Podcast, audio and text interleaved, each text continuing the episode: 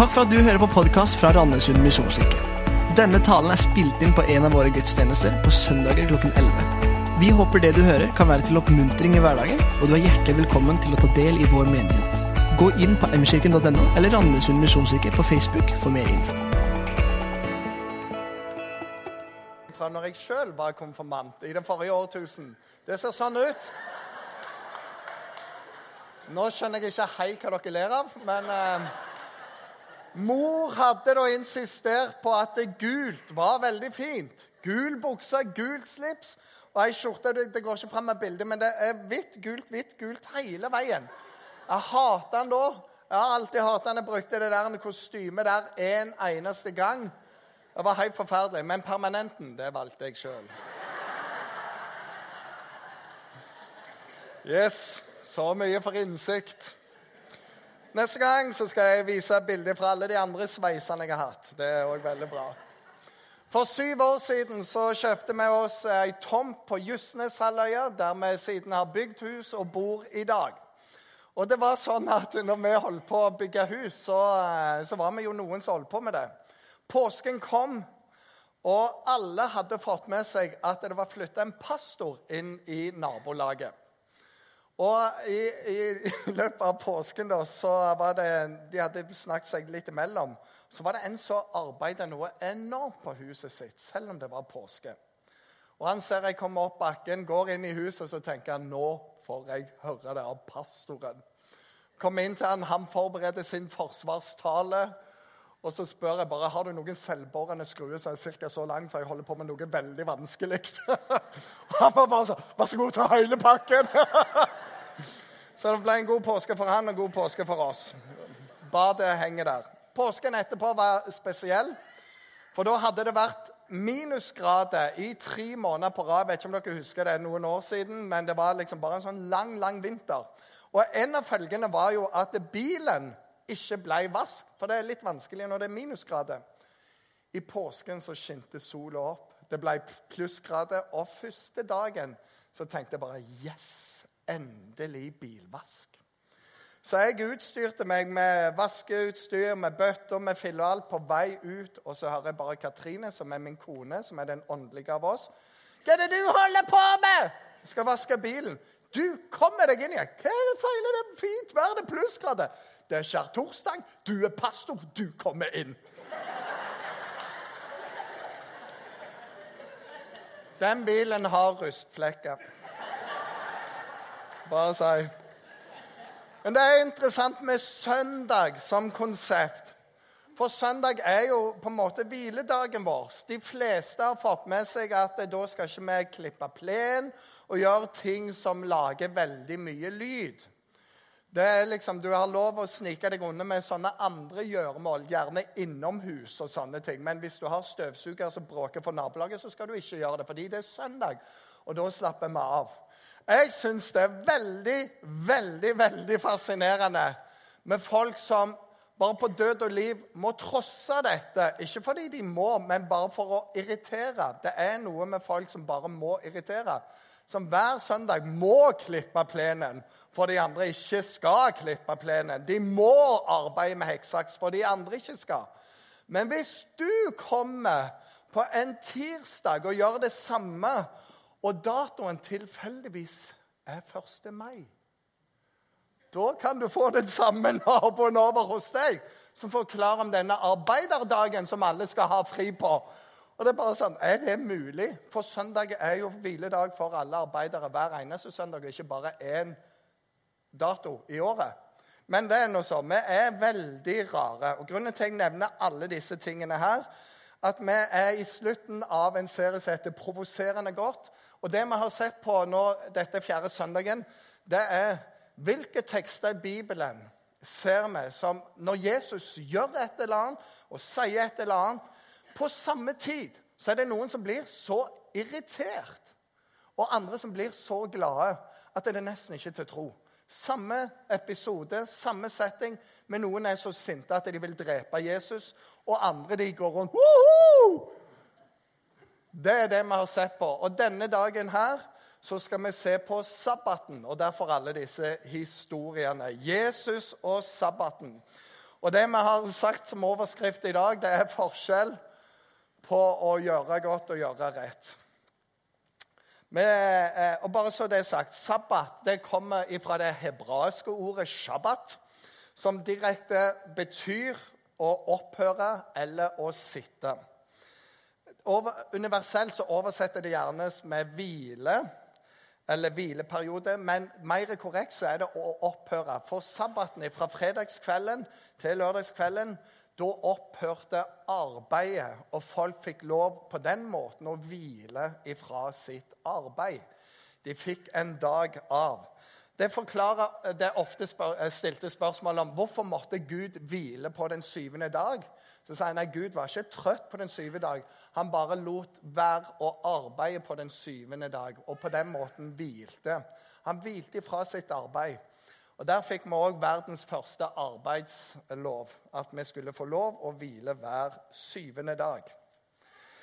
I jødedommen så er shabbat et veldig viktig ritual å overholde. Og det er det eneste ritualet som står nevnt i de ti bud. Shabbat er først og fremst en hviledag, men det er òg en åndelig berikelse. Og Det er flere ord det er satt sammen med. Det som òg er spesielt, er at sabbat den er for alle. Og på den tida når det kom, så var det slaver som aldri hadde fri. Så når de sa vi skal feire sabbaten, så var det sånn at eh, slaver, lavtlønna, høytstående, alle var på lik linje, for alle var innenfor Gud. Fra fredag kveld til lørdag kveld så skulle ingen måtte jobbe. Så det var en statusheving for alle de som ellers ikke hadde noe status. Og så med de klasseskillene som ble viska ut òg, så var det spesielt når slaveriet i Egypt tok slutt, og de kunne vandre i frihet. Det var den store, store sabbaten. Så sabbaten den har betydd ekstremt mye hele tida. Og det ble enormt mange regler for dette etter hvert. Det er Ei hel liste av hva du ikke kan gjøre. Den bare bygde på seg hele tida. Og så kan vi spørre ja, hvorfor feirer vi søndag istedenfor sabbat nå? Og Den forenkle versjonen, som ikke er helt riktig, det er at sabbaten er på lørdag, men vi som kristne feirer Jesu oppstandelse på søndag. Så sånn fikk du det skillet. Men hensikten er det, best, eh, det samme. Du får lov å hvile fra ditt arbeid. Det er en dag for åndelig berikelse. Alle er på like fot innenfor Gud. Og Hvis du er jødisk kristen, så får du lov å hvile to dager. Ekstra bra. Ok, Tre tekster i dag, og vi leser den første av dem. Kommer opp bak her. En sabbat underviste han i en av synagogene. Der var det en kvinne som hadde vært plaget av en sykdomsånd i 18 år. Hun var helt krumbøyd og kunne ikke rette seg opp. Da Jesus fikk se henne, kalte han til, henne til seg og sa, 'Kvinne, du er løst fra sykdommen din.' Han la hendene på henne, og straks så rette hun seg opp og lovpriste Gud. Men synagogeforstanderen ble forarga fordi Jesus helbreda på sabbaten. Og han sa til forsamlingen det er seks dager å arbeide på. Da kan dere komme, da kan dere la dere helbrede, men ikke på sabbaten. Som om dette var helt vanlig at de ble helbredet. Ikke hyklere, svarte Herren. For deg som hadde sagt, Jesus han var så veldig mild og god. Hyklere, sa han. Løser ikke hver eneste en av dere oksen eller eselet fra båsen også på sabbaten og leier de ut så de får drikke? Men her er det en Abrahams datter som Satan har bundet i hele 18 år. Skulle ikke hun bli løst fra denne lenken på sabbat? Og da han sa det, måtte de skamme seg, alle motstandere hans. Men alle de som var samla, de gleda seg over alt det underfulle han gjorde. ikke det er veldig rart? Jesus gjør et mirakel som bare sa Wow! Alle vet hvem dama er. Alle har sett henne gå der og har det veldig vondt. Og så legger han hånda på henne, og så bare hører du sånn, Det måtte jo gjort enhver kiropraktor kjempeglad. Men så kommer de på det er sabbat. Vi har en regel her. Jesus, skjønner du ikke greia, eller? Du arbeider ikke på en sabbat. Og det var så viktig at ingen skulle arbeide på en sabbat at de hadde en hel jobb med å se til at ingen gjorde det. Ja, jeg tok den. Veldig bra. Men dette her med å være rettroende, med å ha det riktig, med å vite at jeg er på den gode vei Akkurat sånn som søndagstøy har vært veldig viktig.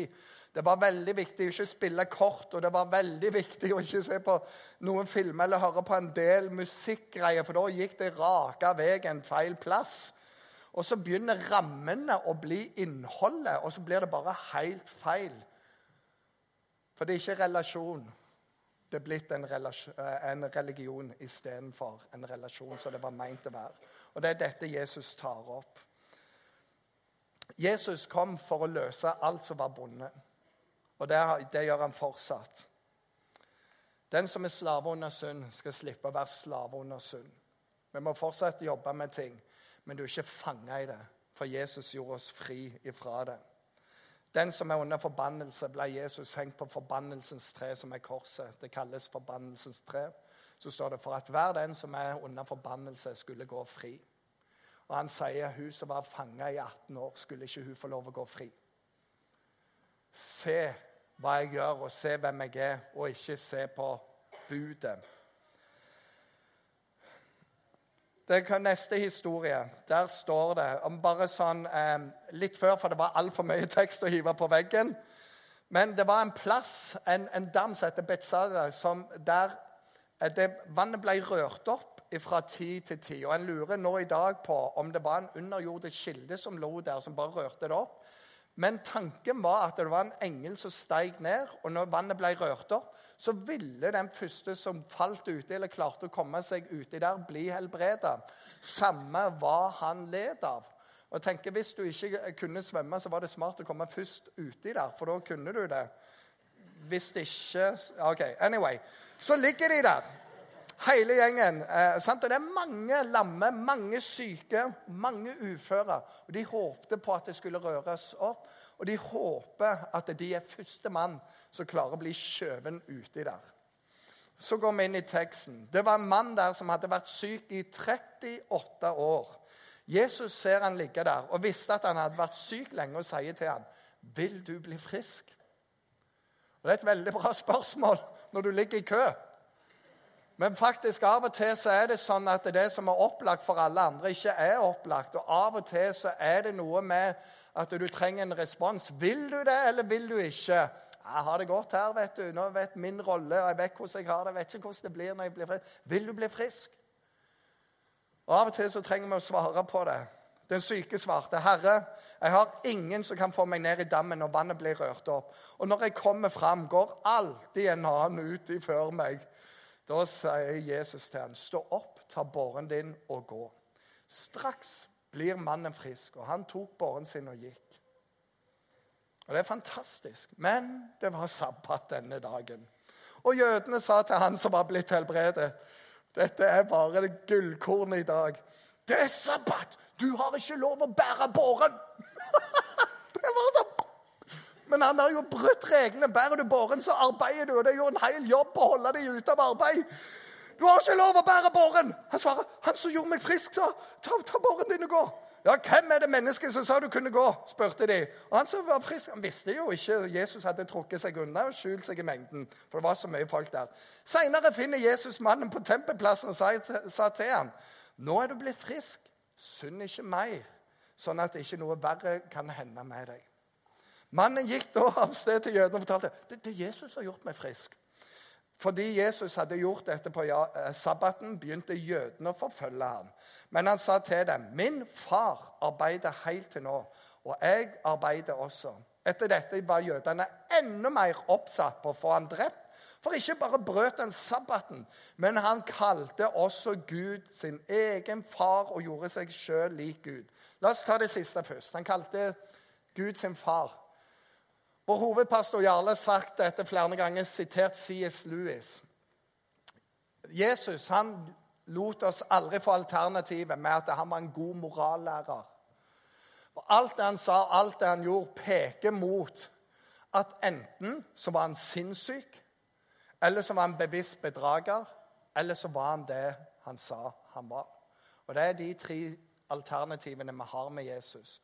Og Han sier rett ut i denne teksten jeg er Gud.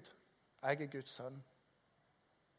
så var han av disse tre. Og de blir sinte, for ingen har lov å si det. Det er òg veldig interessant at disse blir provosert over at han helbreder på sabbaten når ingen har lov å gjøre noen ting, utenom å ha det veldig åndelig. I dag så ville vi nok mer blitt provosert over noe av det som står 'synd ikke mer'. Som om noen skal få lov å definere hva som er synd og ikke. Ikke det er bare opp til oss sjøl å gjøre. Alltid er det noe med Jesus som provoserer. Fordi Guds rike er så annerledes. Men han sier 'synd ikke mer'. Og vet du hva? Det er så mange historier om Jesus når han sier 'synd ikke mer'. Og Det som jeg leser i det, det er jeg har fridd deg fra et liv. Jeg har et annet liv, og det ser annerledes ut. Der er det andre handlinger, der er det andre gevinster. Når han sier 'synd ikke mer', så sier han 'jeg har noe bedre for deg'. Men hva klarer vi å lese i det?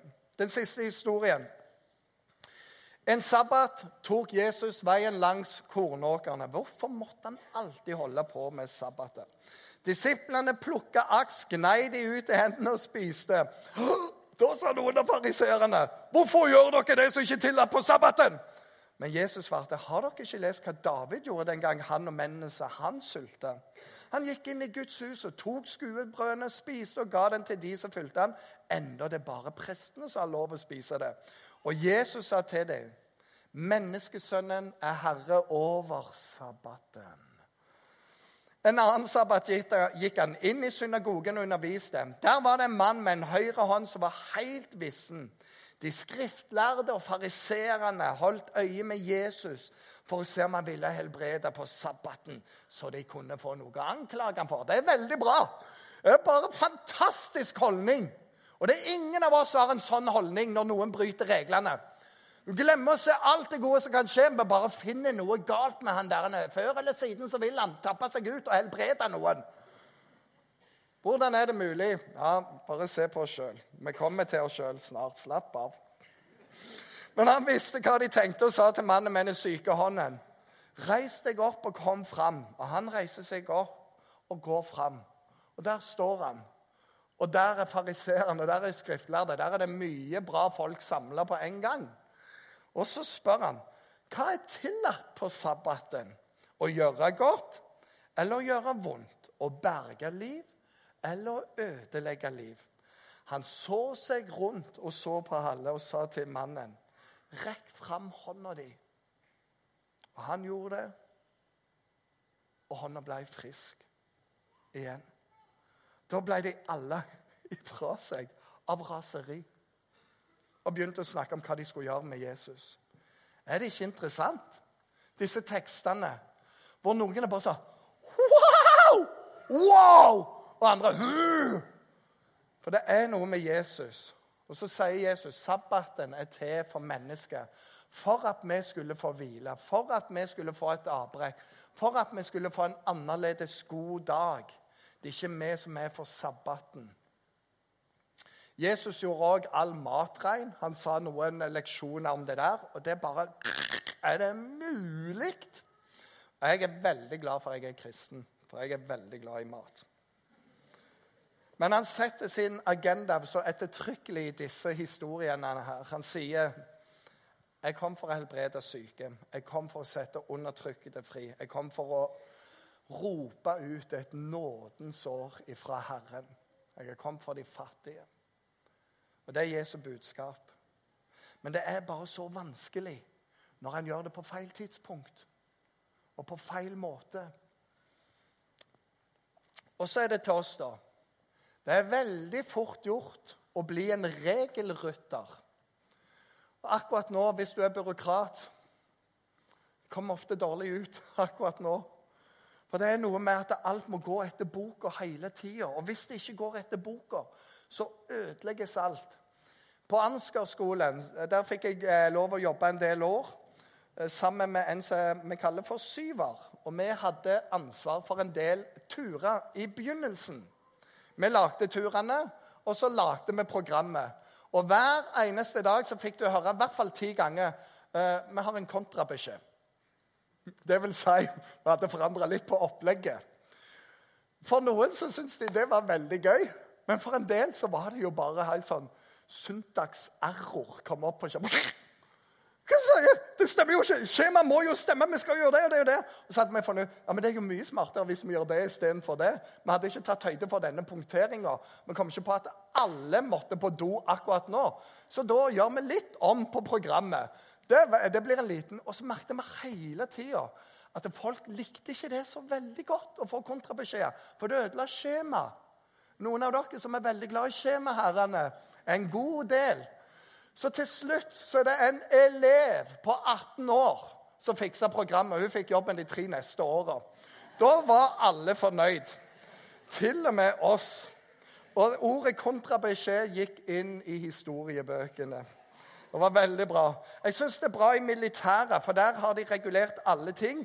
Og til og med hvis du føler deg dårlig og du står i oppstilling og kjenner nå kommer jeg til å besvime eller dø, så fall kontrollert til høyre, står det.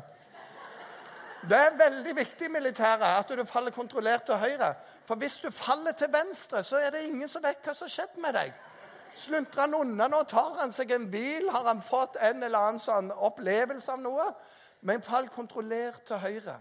Jeg har en kamerat som gikk på internatskole i Chicago. Og han kom inn. Det er kristen internatskole. Så får han servert ei sånn regelbok. Det var bare sånn Du tuller med meg. Han blar igjennom. Det han finner ut, at det ikke er en regel For det var ikke regler for, det var jo bare regler imot. Det var at det var ingen som hadde skrevet en regel mot å sette senga på skrå og ta hylla ut på badet. Så det gjorde han. Neste år kom han tilbake. Gjett hva de har gjort med regelboka. De har lagt til en ny regel. Det er ikke lov å ta senga på skrå eller hylla ut på badet. Han bare sa det er ikke mulig. Men av og til så blir det sånn.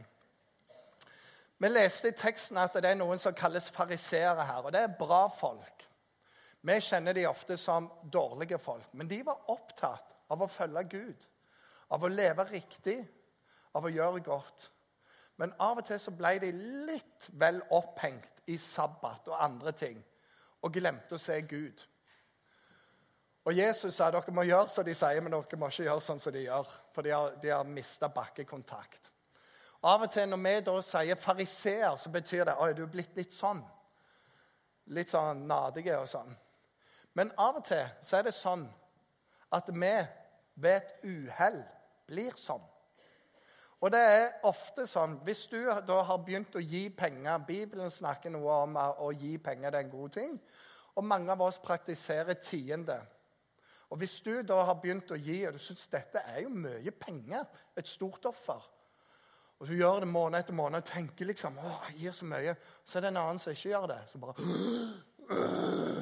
Eller du er med på dugnad, og du ofrer tid, og det er noen som 'Jeg tok meg en joggetur.'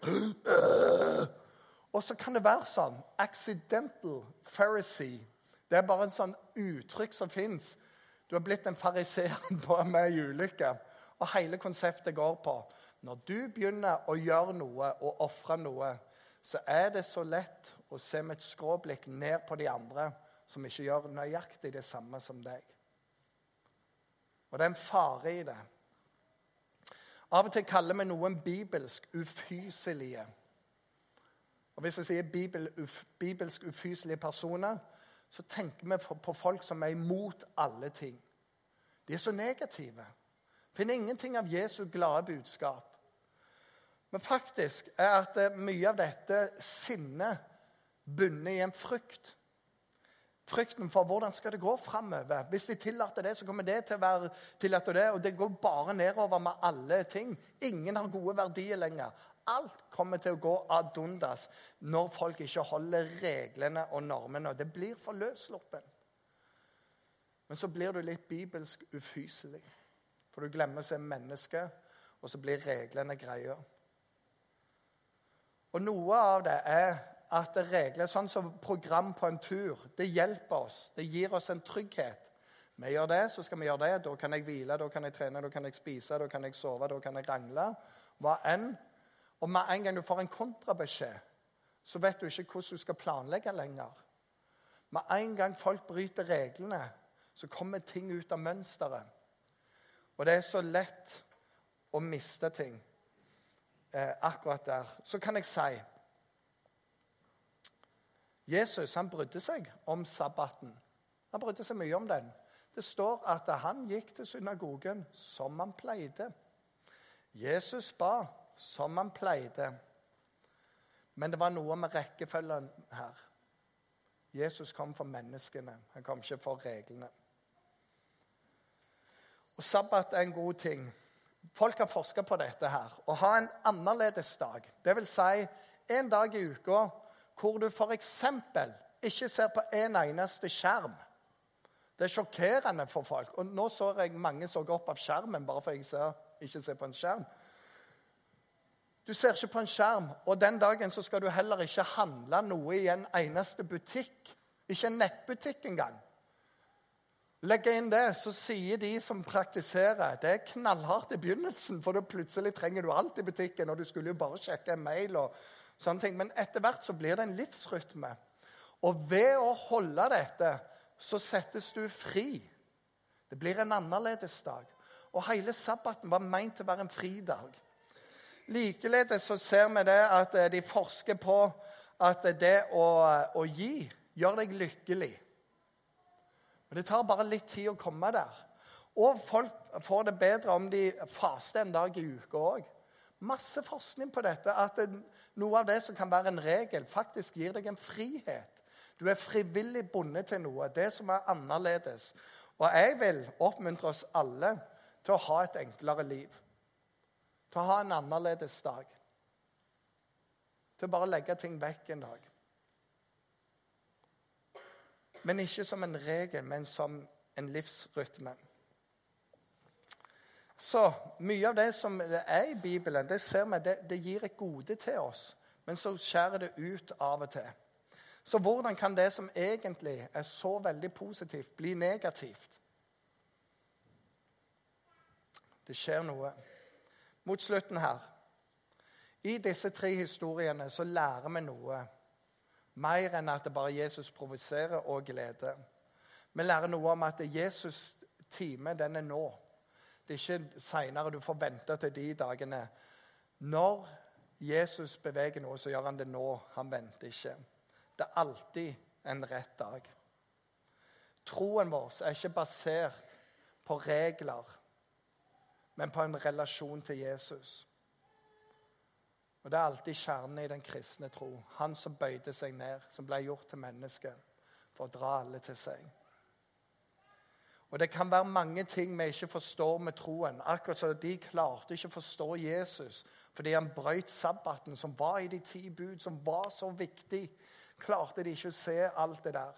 Så kan det være mange ting med den kristne tro som vi ikke klarer å forstå. Når vi leser Bibelen, klarer ikke å tro dette her.